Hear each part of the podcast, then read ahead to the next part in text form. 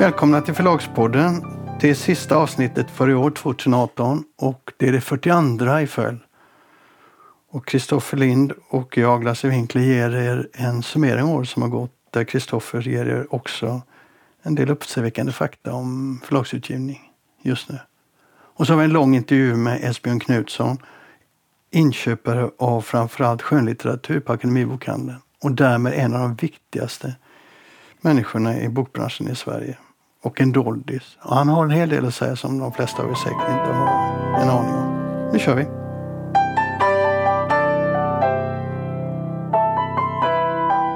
Nu närmar vi oss slutet av året. Då vill jag gärna veta hur det har gått i år. Vi har pratat om en massa böcker och en massa författare. Hur gick det för dem egentligen? Det tror jag folk i podden vill veta. Eh, oj, nu sätter du mig på pottan igen. Eh, vi har ju pratat om så många böcker. Men Ja, men hur, bör, bör, bör man berätta hur det har gått då? Till att börja med. för, för året som helhet? Eh, ja, det finns ju ett ekonomiskt bokslut och så finns det ett kulturellt bokslut som du vet. Mhm. Mm, vilket är det du tänker på? Spontant berätta det som är roligast. Ja, nej, men vi har haft ett bra år. Ehm, Man tänker ju ändå alltid lite grann i finansiella termer och vi har ju ett brutet räkenskapsår. Så att, eh, det, för mig blir det väldigt mycket så att man tänker räkenskapsår. Jag vet vad vi omsätter på räkenskapsår, hur siffrorna ser ut på räkenskapsår, men inte riktigt kanske kalenderår. Men året har varit bra. Eh, eh, Hösten har varit väldigt stark eh, på ljudbokssidan. Eh, Vi har ökat kraftigt eh, från sommaren och hela hösten på, på ljudböcker. Vad kan du berätta om ljudböckernas andel i utgivningen? Den har ju ökat och eh, nu är året slut så jag borde faktiskt ha siffran exakt i huvudet. Men eh, i intäkter så rör det sig om strax under 40 procent av våra totala intäkter. Och volym? Vill du berätta det? Det borde ligga kring en 1,4-1,5 miljoner lyssningar, kanske snarare 1,5 miljoner lyssningar. Och hur många böcker säljer du papper? Ja, det är nästan exakt en miljon, lite drygt en miljon. Så du säljer fler ljudböcker än pappersböcker? Ja, Det tycker jag är en milstolpe som är värd att fundera det har du rätt i. Det var faktiskt nog första gången. Förra året var det ganska jämnt. Men intäktsmässigt eftersom ersättningarna i streamingtjänsterna är så pass mycket lägre så blir Ja. fortfarande pappersböckerna står för större del av, av eh, intäkterna. Men vad intressant att du säljer fler ljudböcker än du säljer pappersböcker. Mm. Det... Det är ju bra för miljön. Ja, jag vet i fan vad jag tycker om detta. Alltså jag har ju den grundläggande inställningen att ljudböcker är bra. Ljudböcker är jättebra och det breddar läsandet, lyssnandet. Eh, Vad jag inte vill det är att de ska dominera marknaden och styra marknaden. Utan pappersböckerna ska ha utrymmet att växa oavsett att ljudböckerna säljer mer. Men jag vill också att ljudböckerna ska få den plats på marknaden den är förtjänt av. Eh, och det kommer väl komma. Jag tror att eh, medvetandet kommer öka ännu mer. Läsandet kommer öka ännu Alltså, mer. jag- Lyssnandet.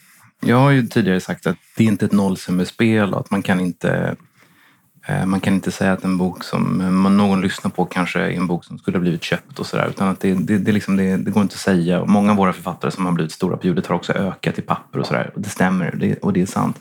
Men jag har nog ändrat mig lite grann under året. Håkan Rudels har ju länge sagt att det är inget tjafs om saken. Det är klart att eh, ljudböckerna tar av fysisk försäljning. Ehm, jag tror han har rätt. Eh, Det, det är nog så ändå. Att när man konsumerar väldigt mycket eh, streaming, i streamingtjänsterna så blir det så att man köper faktiskt färre böcker. Man hinner inte. Man hinner inte heller läsa. Så att jag, jag, jag, jag, liksom tvingats förflytta min position här lite grann. Däremot så är min inställning att det finns inget vi kan göra åt det här. Vi måste omfamna den nya tekniken och vi måste omfamna det här nya konsumtionsbeteendet. Vi kan inte på något sätt tycka att det är bra eller dåligt. Eller det kan man göra, men det är helt ointressant. Det är också en av de saker som är nya under året. Det är ju att vi har börjat eh, ge ut manus i original. Och här har mitt, I ljud. ja, i ljud. Aha. Och här har mitt tänkande förändrats under året. För ett år sedan, alltså i slutet av 2017, så talade man väldigt mycket om originals. Eh, Storytel hade sina originals och eh, Bokfabriken började göra några och vi hade gjort några. Och vi tänkte att i framtiden kommer vi göra mycket originals. Vad är originals? Alltså det är ju då när man skriver för ljudboksformatet Ja, direkt. just I, idag så talar vi inte om originals. Jag tycker originals är ganska ointressant. Utan idag så talar vi om att ibland kommer manus till förlaget som vi tycker är väldigt bra och som vi vet att det här kommer funka utmärkt i ljudboksformatet. Men kanske mindre bra i papper. Och vi har möjlighet att göra något bra av det ljudbok. Vi har inte möjlighet att göra någonting av det i papper. Vi ger ut boken som ljudbok. Men, det där, är ingen- vi en, men där är vi i en brytningstid. Därför att där är vi i en brytningstid. Men, Ja. men det är ingen originals. Vi behandlar det som vilket manus som helst. Mm. Det är klart att vi tänker på att det ska bli ljudbok. Men det är en lika viktig bok för oss som någon annan bok. Finns böcker som vi under året har givit ut eh, som ljudbok som har dragit in, bara som ljudbok, som har dragit in enorma pengar. Och som jag vet inte skulle funka i papper. Eh, Så här måste man också förändra sitt, sin, sitt sätt att se på vad är en bok och vad ger status. Status kommer förändras. Och vad som är en bok kommer ju också förändras. Ja. Men jag tänker också på det att vi är en brytningstid därför att författaren kommer att vara kvar i det gamla längre än förlaget är. att vilja ha en pappersbok även i en situation där du kan säga att det här kommer inte fungera. Så är det ju. Vi har ett problem med det. Men jag upplever att den övergången har också gått snabbare än vad man kunde tro. Att många blir väldigt glada över att få ett avtal. Eh, sen dyker pappersfrågan upp och sådär. Eh, men de flesta är ju väldigt glada över den framgång de har i ljudboksformatet. Så att det, jag, jag tror nog att det kommer... Alltså, lyssnare, läsare och intäkter, det är ju det som man vill ha som författare. Mm. Men det är fortfarande ut på papper. Där Mm. får du nog slåss några år till med. Ja, absolut. Men det har hänt under året. Ja. Vad har hänt mer? Jag kan inte komma på, men det, är väl, det här med ljudet är väl... Jag, jag har ändrat mig här eh, och kommit fram till att Håkan Rudolf hade rätt. Men, eh, Håkan Rudels är då chefen för Ja. Bonnierförlaget. eh, men jag har väl också intagit en position lite grann där jag tyckte att det varit fel att hota med att skrämma oss med ljudboken. För det har ju under året varit en debatt. Jag har ju haft den uppe i, i podden och det började med Dagens Nyheter i samband med att just Håkan Rudels hade sagt på något internmöte, att, eller han sa det kanske till en DN-intervju, att eh, Nobelpristagare underpresterar i ljudboksformatet och sådär. Eh, och eh, ja, det var ju stor karusell där på Bonnier och Jonas Tente skrev väldigt elakt om dem och sådär. Det har varit en debatt under året väldigt mycket om att ljudboken är ett hot. Eh, och bokhandlarna ser den kanske med viss rätt som ett hot. Och där har jag väl intagit en position också som är att vi kan liksom inte motarbeta ljudboken och, och eh, vi, vi måste liksom försöka se det positiva i det här. Och den där positionen har väl kanske gjort att jag har eh, eh varit, inte, ja, att jag intagit den här ställningen att ljudboken är, är liksom inget problem. Och det jag fortfarande skulle säga att vi kan inte förhålla oss till det på något annat sätt. Men det är klart att den, den tar av pappret, det, det tror jag också nu. Det betyder att eh, jag tror inte bokhandeln fattar detta. De ser inte de siffrorna. När de hör att du säljer fler ex ljudböcker än pappersböcker så kommer de att börja fundera. Jag tror inte de kommer att förstå konsekvenserna av det hela, men det är stora konsekvenser av det hela. Jag för min del vill ju se det så att det här innebär att bokhandeln måste välja väg och förändras. Och den har ju svårt för det. Bokhandeln måste sälja böcker på ett annat sätt än de gör idag. Och det där har vi tjatat om, men det där kan jag återkomma till på det nya året tycker jag. Mm. Men jag tror att finns det nog är viss- väsentligt. Det finns nog risk att du gör Ja, jag tror att det är väsentligt för att det ska hända något. För jag tror att detta också kan vitalisera och stärka bokhandeln. Men jag återkommer till det. Men hur har det gått med böckerna då? Vilka böcker har fungerat i år? Ja, eh, hur har det gått med böckerna? Ehm, nu har jag liksom ingen, jag har inte liksom tagit fram statistik och sådär, men det har ju varit ett år då det har varit lite svårt eh, att få upp upplagorna. Eh, det är en press på inbundet. Det är väldigt svårt med nya författarskap inbundet. Även pocket tycker jag är knepigt. Ehm, Har det minskat stort i pocket? så det har minskat på så sätt. Alltså under året har det inte skett så kanske så jättestora förändringar jämfört med föregående år. Men vi har idag... Det är många pocketböcker som säljer kanske 5000 ex. Och det får man vara nöjd med. Och för fem år sedan så skulle man kanske inte ens gett ut en bok i pocket som man trodde skulle sälja 5000 ex. Ehm, det har varit ett jättes, det är jättesvårt, alltså mycket stort tryck neråt på inbundna, inbundna utgåvor och pocketupplagor. Men eh, vi har ju haft stora framgångar här på slutet av året med de här sagor för pojkar. Det är, eh, har sålt väldigt, väldigt bra. En bok som vi har tjatat om i podden fick ju äntligen till slut sitt genombrott. Och det är Elinor Oliphant och det är väldigt roligt. Vi pratade om den när vi köpte den i Frankfurt. Vi har pratat om och återkommit till den flera gånger under året. Och den fick ju faktiskt ett stort genombrott. Eh, och det var ju också, om man ska lyfta fram bokhandelns positiva kraft, så var det så att den här boken som nu har sålt i över 30 000 ex och fortsätter att sälja i pocket. Ehm, det är en bra upplaga idag. Men det är en anmärkningsvärd upplaga när den är bara driven nästan uteslutande av bokhandel. Ehm, det är alltså en bokhandelsbok. Eh, Boken har blivit stor för att bokhandlarna älskar den och då är det framförallt Pocket Shop. Det, det är pocketshopparna som har skapat Elinor Oliphant i Sverige. Och som du säger i samtalet med eh, Esbjörn Knutsson som vi har haft precis så är det också vissa akademibokhandlare har också Ja, ja, jo, absolut. Det, så är det. Så är det. det eh, vissa akademibokhandlare, Sergels torg och sådär, har sålt jättemycket. Men, men det, den, det är en bok som eh, intressant nog nätbokhandlarna inte har sålt särskilt mycket av. Utan det, det är en bok som bokhandlarna har rekommenderat. Och det där visar ju också att allting som sker i bokbranschen ingenting utesluter det andra utan du kan ha liksom parallella verkligheter, alltså parallella sanningar. Det, det finns vissa böcker som kan funka hos Pocket Shop som inte funkar hos Adlibris och det är väl jättefint så. Det är väl gott så så att säga. Eh, att allt inte måste vara liksom samma. Nej. En annan bok vi har pratat om, det är ju koboken. Mm. Eh, den har vi pratat om. Koboken den blev väl som ganska många böcker blir, eh, så här, så här, varken eller. Eh, vi sålt några tusen inbundet. Fyra kanske. Tre, fyra tusen inbundet. Inte så dåligt ändå i dagens... Nej, inte så dåligt ändå i dagens läge, men vi hade ju högre förhoppningar. Men du har helt rätt, det är faktiskt inte så dåligt idag. Ganska liten bok, ganska tunn bok. Relativt högt pris var det på den också. Kommer den att komma i pocket? Uh, tror inte det. Uh, den kommer ljudbok, den funkar inte som ljudbok. Andra böcker då? En bok som vi talat om i podden också är den här Ostende 1936. Ja, just det. Den var fin. Eh, den var ju en bok som jag, när du frågade mig i början av året, eh, om jag, vilka, vad har du för liksom, förväntningar på året och sådär. Vilka böcker tycker du personligen om? Då lyfte jag fram den som Men du var väldigt negativ om förutsättningarna. Ja, de är ju inte så goda för en sån bok. Men den har ju gått väldigt bra. Den har ju nästan sålt 4000 ex. Eh, och för en sån bok är det enastående bra. Ja. Och, och den fick sina recensioner så småningom. Det tog fick, tid. Det tog sin tid men sen ja. recenserade alla stora kulturredaktioner boken och alla älskade den. Och då får man utfall i form av försäljning. Så det är också en positiv eh, berättelse om hur kultursidorna fortfarande betyder någonting. Hur... Vilket vi har sagt att de inte gör. Ja, eh, ja. eller ja. ja. Jag har gjort det i alla fall. Ja, ja. Nej, men det, det, det, är väl också en, en, en väldigt rolig utgivning.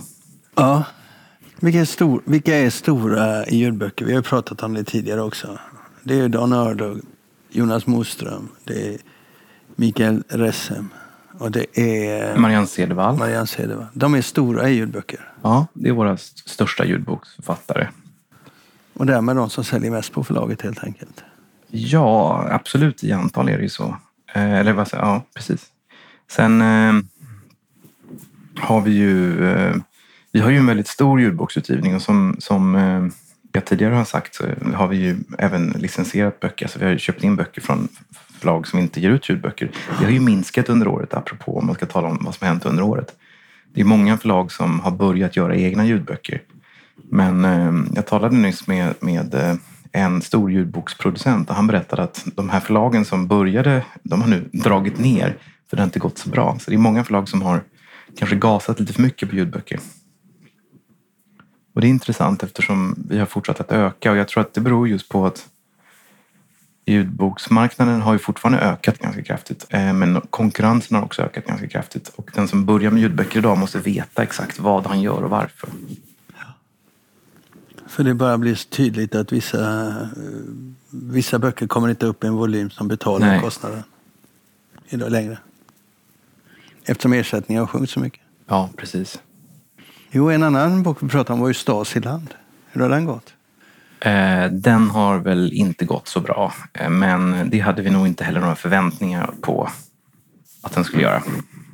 Eh, vi talade lite grann om den som ett exempel på hur man i, i England så har man ju väldigt mycket modern classics. Ja, just det. Alltså det här är en sån Stadland är en sån där klassiker. Liksom. Den är eh, vann massor av priser när den kom och det är fortfarande en, kanske den bästa reportageboken som har skrivits om Stasi. Eh, och det är en helt underbar bok.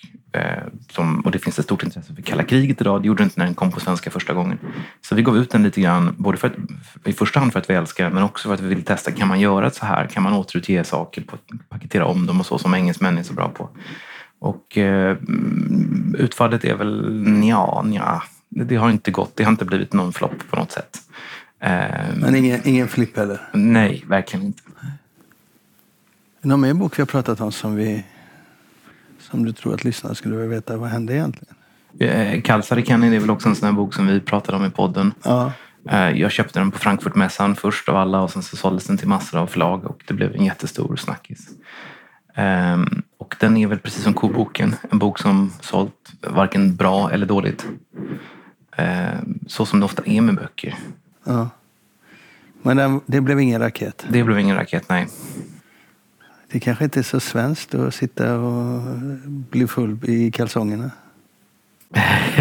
Nej, det är ju nog någonting ganska finskt. Men eh, boken är ju väldigt rolig och jag tror att många kan känna igen sig i den.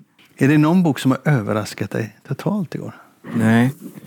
Eller ja, det är klart att, vi, det, det, är, klart att det är det. Eh, det, det finns ju alltid böcker som man hoppas väldigt mycket på och som sen inte säljer. Men det är ju en slags motgång som man som förläggare har blivit nästan Eh, immun mot att alltså, reagera på? Ja, det, det, det är liksom, det, det, det, det är vanligt alltså att, man, att man blir negativt överraskad eller besviken. Men, men, eh, nej, men det är klart att den här Sagor för pojkar, det var en bok som kom in ganska sent. Eh, den, jag köpte den ju efter Londonmässan. Alltså jag köpte den typ jag minns inte när, nej, långt efter Londonmässan. Jag köpte den så pass sent så att den hade, liksom, den hade missat insäljningscykeln. Och böcker som missar insäljningscyklerna, de, det är alltid knepigt att få in dem för att bokhandeln har redan gjort sina inköp och sådär. De tycker det är lite jobbigt när man kommer med separat med något särskilt. Mm. Sådär. Eh, men, men så den kom utanför cykeln och eh, jag tror vi tog 4000 ex i första tryckningen och vi har tryckt om den 6-7 gånger nu. Mm. Så, och, och, den drog iväg i julhandeln och blev ju riktigt stor. Så det, det, var ju liksom oväntat. Den var inte ens med på listan. Och en annan sån bok som inte sålt så bra men som ändå sålt anmärkningsvärt bra för att vara liksom en bok inbundet. Det är ju, som vi pratade om tidigare, Bergmans hushållerska. Den ramlade också ner från himlen. Ja, just det. Så är det ju. Det är roligt när man... Eh, det är alltid sådär på att man tänker så här, vad ska sälja nästa år? Mm. Man tänker, man, nu hade vi, för, för förra året hade vi Marcus Martinus och sen, sen i år hade vi den här Sagor för pojkar. Men det hade vi inte för ett år sedan. Så det, det, är kul när listorna är man, man blir överraskad av titlar som faktiskt, eh, faktiskt säljer väldigt mycket. För det behövs böcker som säljer väldigt mycket. Några böcker som har hamnat i underjorden? Det vill man ju inte tala om riktigt.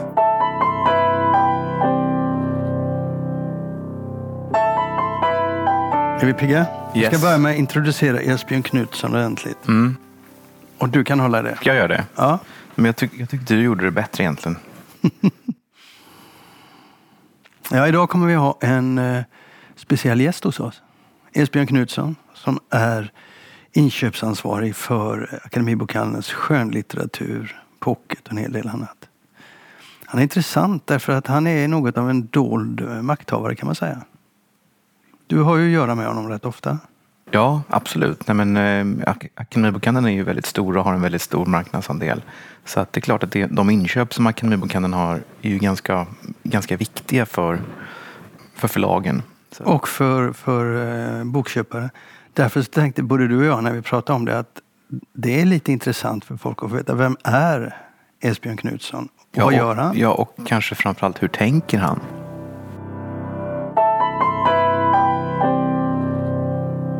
Vi som sitter här, vi vet ju att du har ju, hur man nu ska uttrycka du har väldigt stort inflytande i litteratursverige. Eftersom du är inköpare för den största försäljningsorganisationen i Sverige, om man undantar nätet. Eh, och egentligen finns det bara, ni är bara tre egentligen. Eftersom mm. det är ni, Akademibokhandeln, så är det, är det Ugglan och JB som väl kommer att ha en nu då.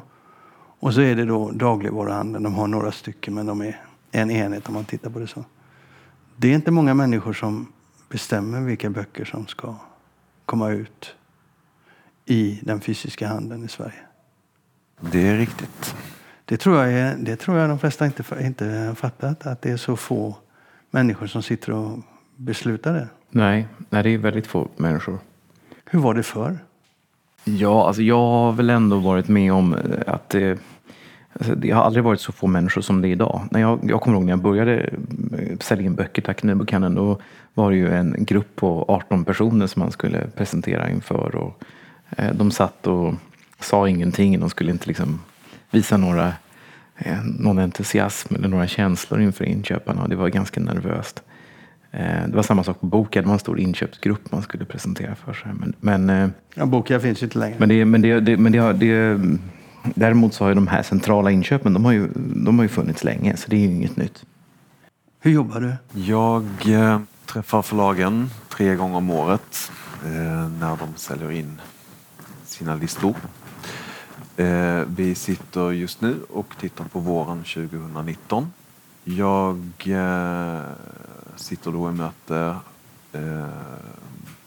mer eller mindre nonstop i två veckor och eh, försöker att inte titta så mycket på listorna innan mötena utan gå in och vara ganska liksom blank för att liksom, eh, ja, men mer kunna lyssna på vad förlagen säger när de presenterar sina böcker.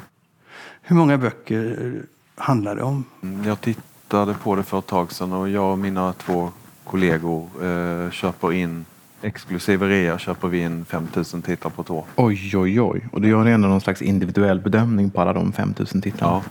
Men hur många har ni att välja på? Så jag tror att eh, Förläggarföreningens siffror för 2016 sa att det var någonstans mellan 9 och 10 000 titlar. Men då är det ju bara de förlag som är anslutna till Förläggarföreningen. Så, där, Så vi kan säga in- kanske att det handlar om en 11-12 000 titlar? Mm. Plus att vi, framförallt jag, men även mina kollegor i viss mån träffar ju engelska förlag och tittar på, på deras utgivning dessutom. Vilka områden täcker du? Skönlitteratur ehm, och pocket är liksom de två stora eh, bitarna. Men jag köper också in historia, memoarer, biografier, samhälle, debatt, ekonomi, eh, litteraturvetenskap av någon anledning. Det är inte särskilt många böcker på ett år såklart. Ehm, och sen så träffar jag som sagt en hel del engelska förlag och köper liksom deras allmän utgivning. Du läser mycket böcker. Ja, det gör jag. Hur mycket läser du egentligen? Av det jag köper in, inte särskilt mycket innan jag köper in det. Nej, det går ju inte eftersom det inte knappt finns en del av dem. Nej, precis. Eh, men säg att jag läser ut eh, 100 böcker på ett år. Hur mycket omvärldsbevakningsläsning gör du? Hur mycket är det sådär att du läser hur kunde den här boken sälja så bra? Jag måste förstå varför och sen så läser du den fast du tycker den är dålig. Ehm, inte speciellt mycket. Jag tycker att läsning ska vara en njutning och eh, jag, jag vill... Jag, Jag ja. Det är ditt jobb att läsa. Jag förstår att du sliter hårt för att få tid att läsa för njutning. Ja. Men du måste ju läsa för Ja, jobb. men det är klart, alltså jag läser ju en del jobbrelaterad läsning, absolut. Jag försöker läsa, liksom, jag menar om, eh, ska jag ta som exempel, eh, ja men Stina Jackson är väl ett bra exempel. Ja, men en ny ung eh, deckar... Eh, Silvervägen Ja. kanske vi ska säga. Mm. Hennes bok eh, en stjärna hoppas Bonniers och det är klart att jag är nyfiken på vad det är för någonting. Eh, nu råkade det dessutom vara en väldigt bra bok, vilket var roligt. Hade det varit en eh, mindre bra bok så hade jag nog antagligen inte läst ut den. Men liksom, det är klart att det, det är ju men, superspännande. men vänta lite här nu. Det här är ju intressant. Här kommer jag då Mm. från ett förlag. Mm.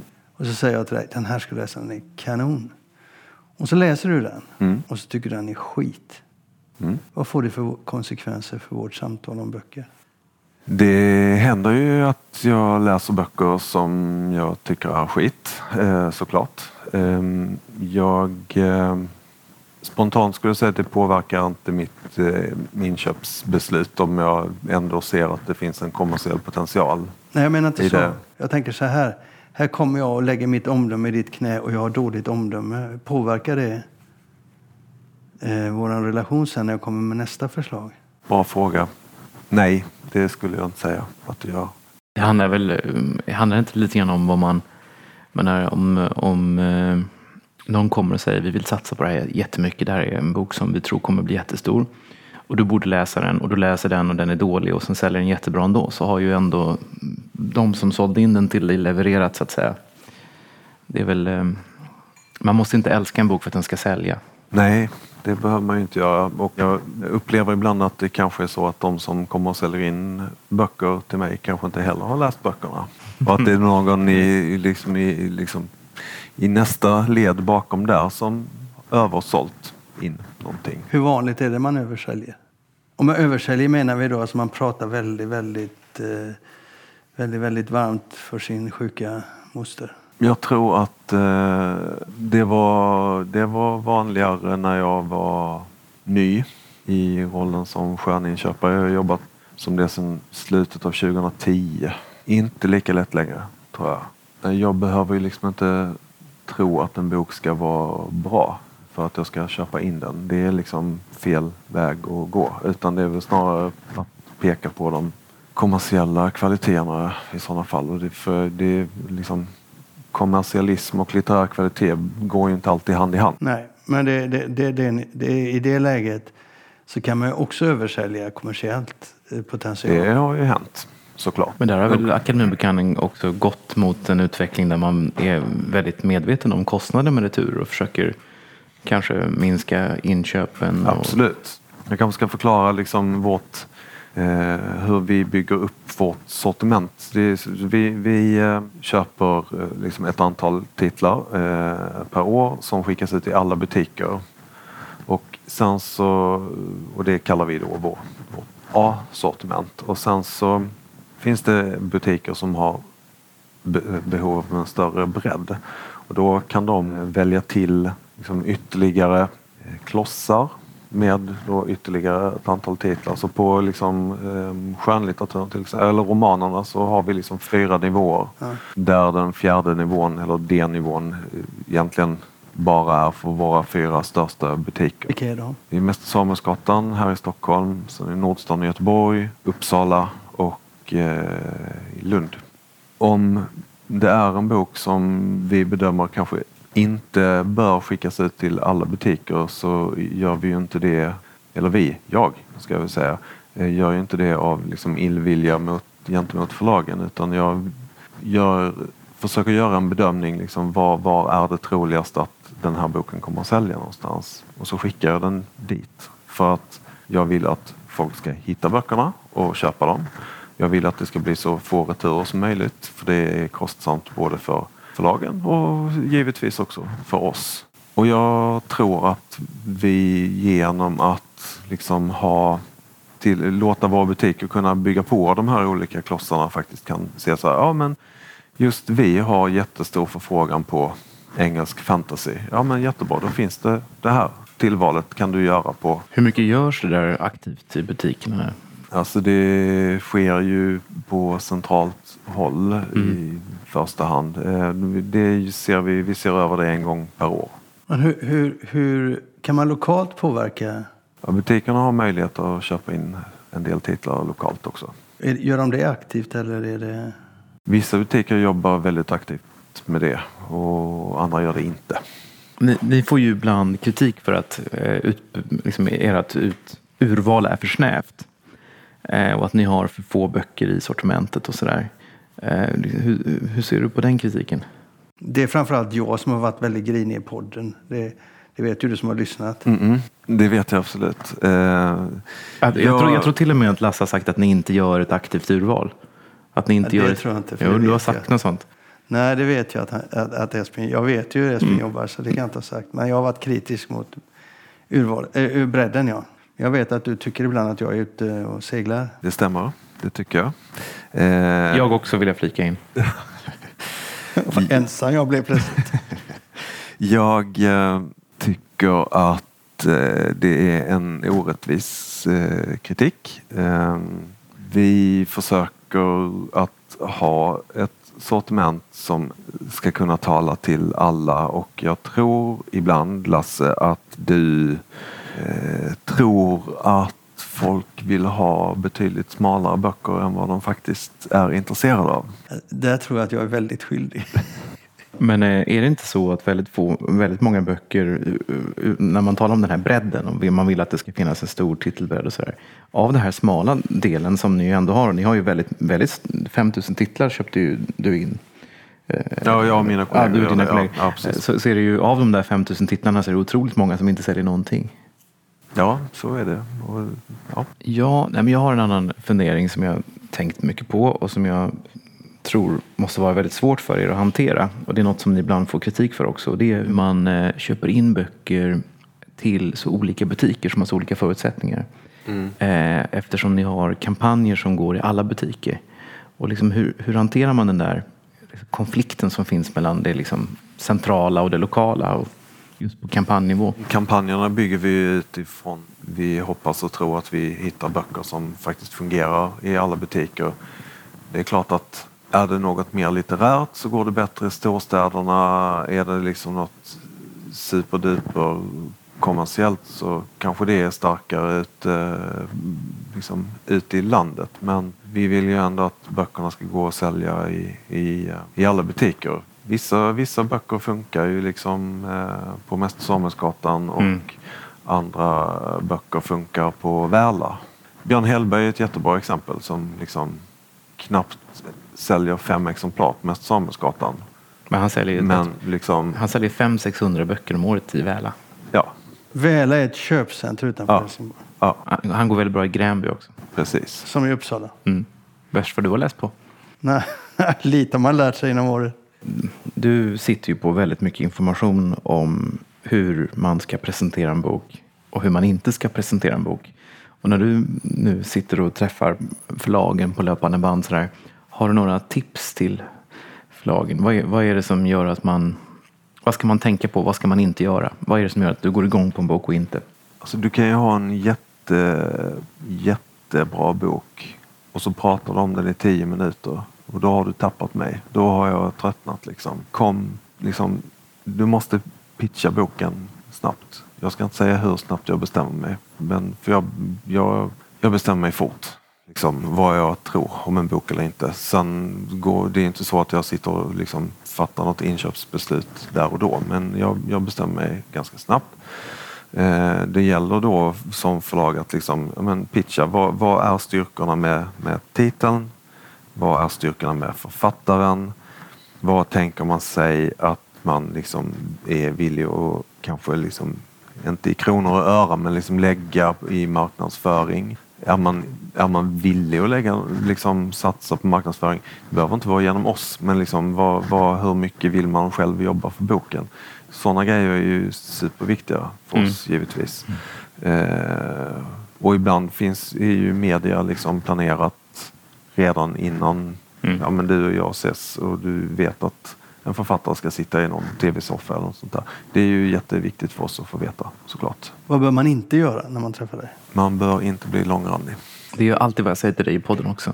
Jag säger så här, då är jag ju körd. Men är, är det något mer man inte ska göra när man träffar dig?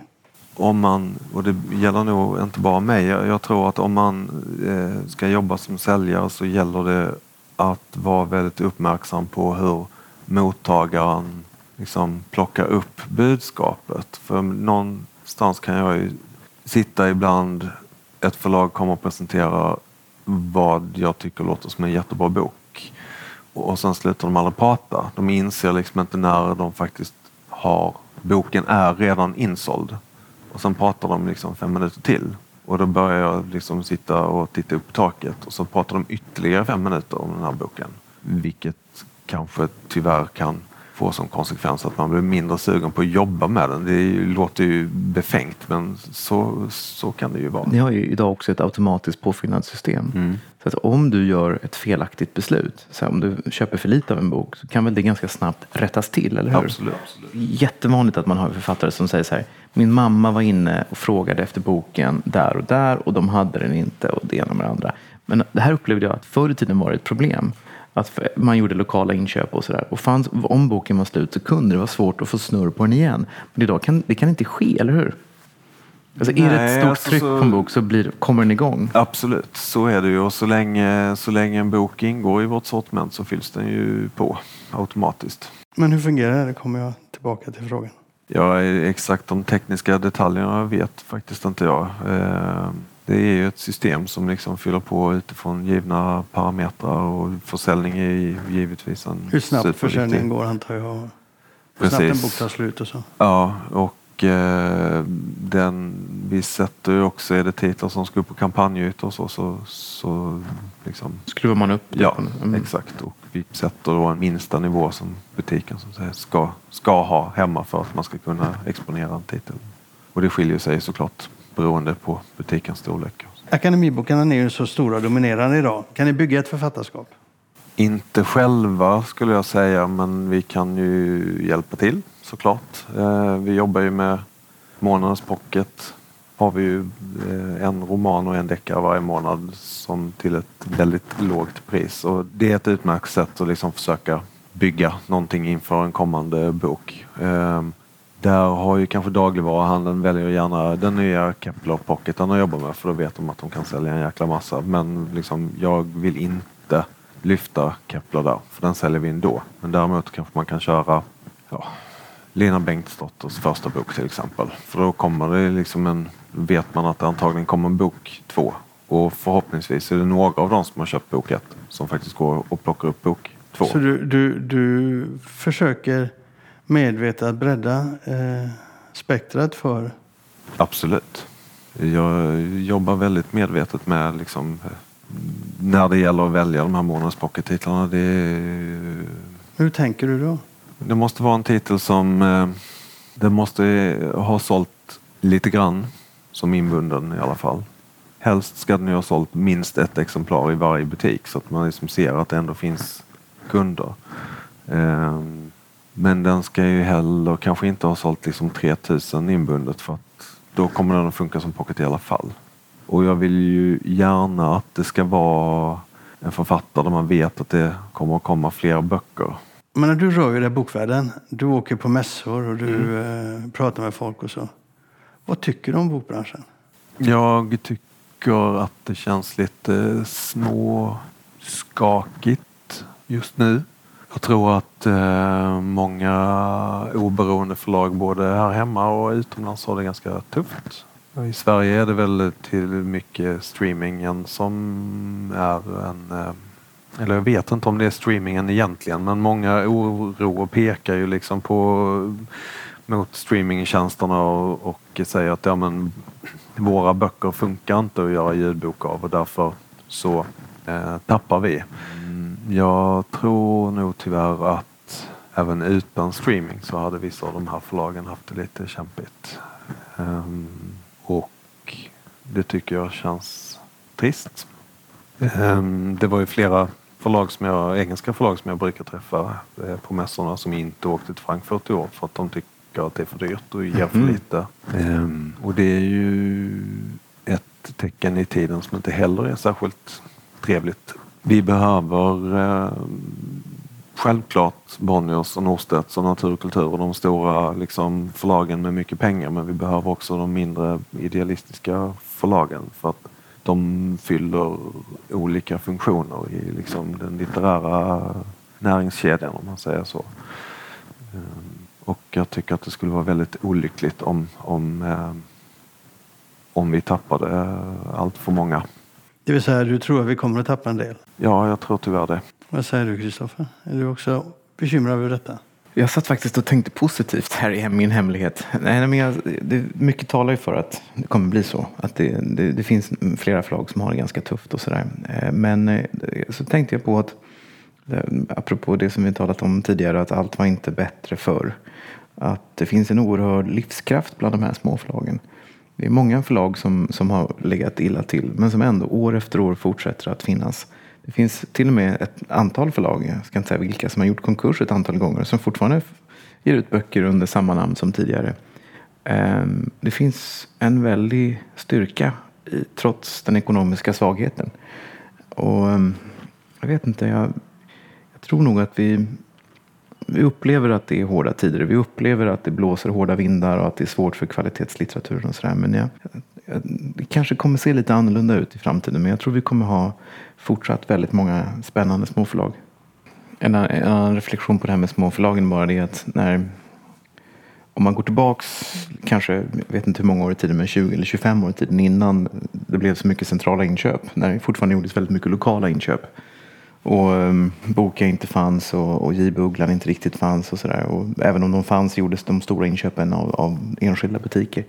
Då behövde man en ganska stor inköpsorganisation för att kunna få ut böckerna i, i, i, liksom i butikerna. Men idag så ehm, är det ju en handfull människor som, som man behöver vända sig till. Och samtidigt som man kan se det som ett, ett hot och en fara så kan man också se det som en oerhörd tillgång.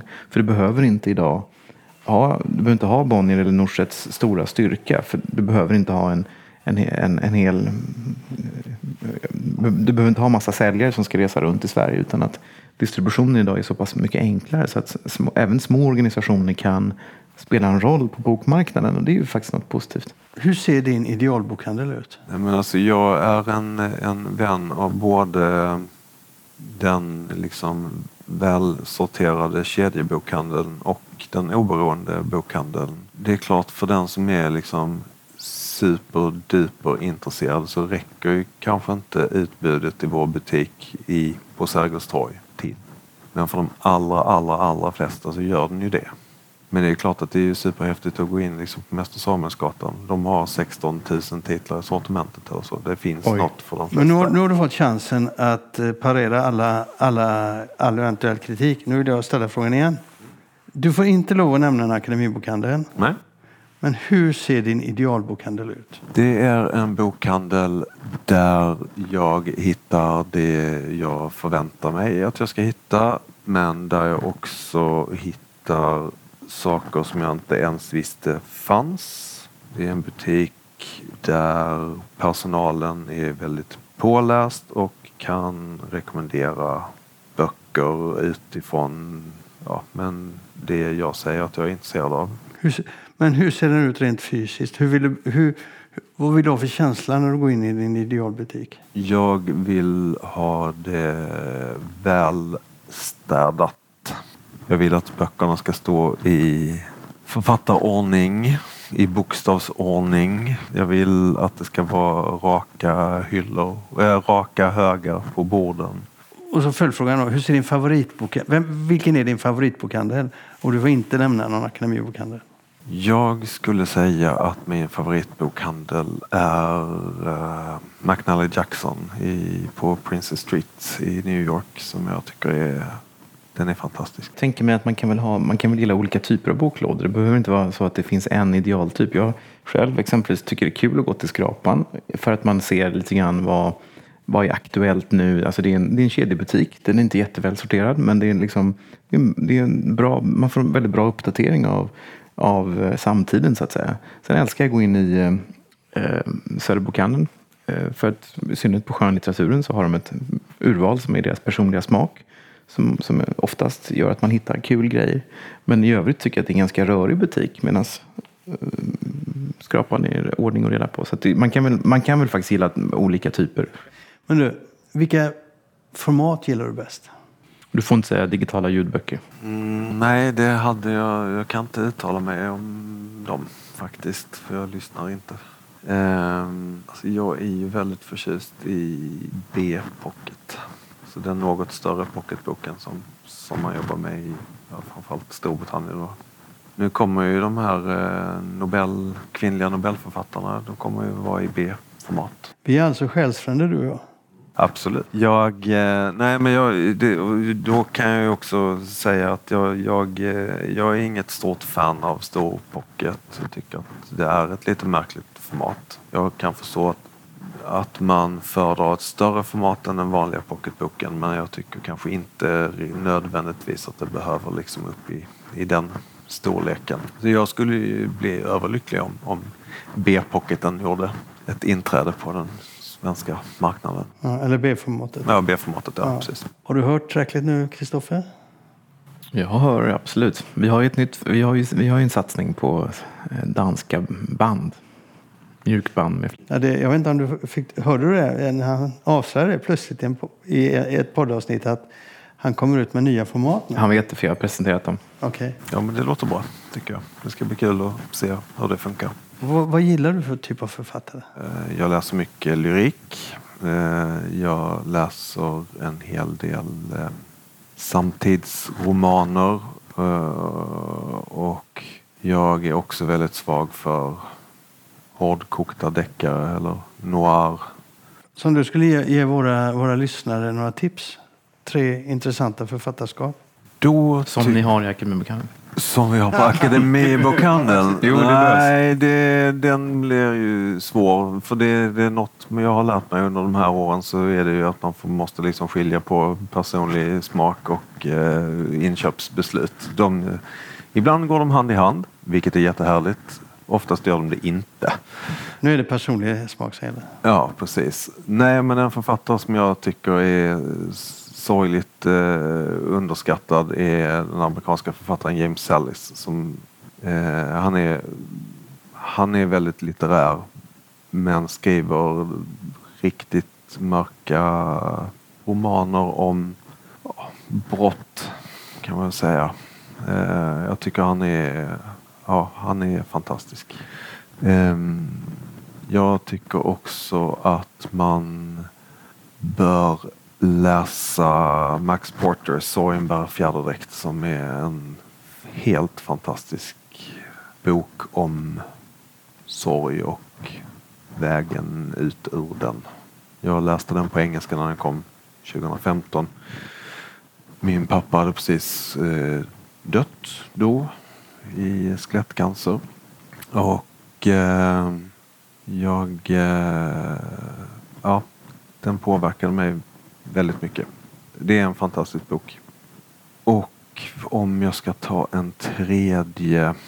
Jag kanske får ta två till ändå, känner jag. Jag läser Mirja Unges nya roman just nu. Jag går och lever. Kom på Norstedts i våras. Eh, ganska speciellt språk, precis som det är Max Porter men, eh, och James Ellis för den delen. Eh, men den är så drabbande. Den är verkligen jätte, jättebra.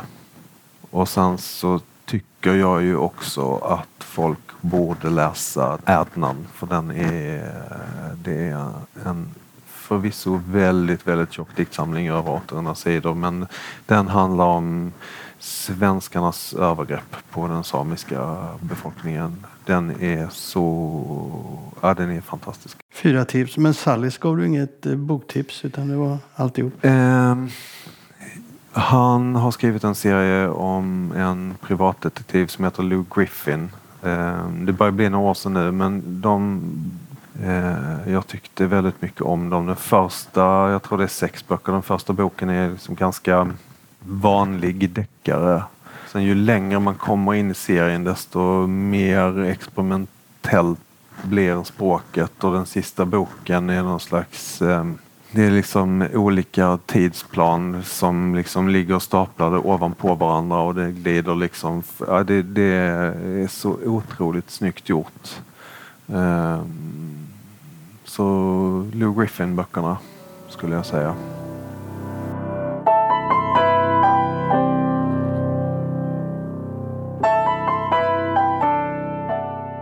Och det var årets sista avsnitt från oss, Kristoffer Lind och Lasse Winkler. Vi ses om 14 dagar och då är det januari 2019. Hej då!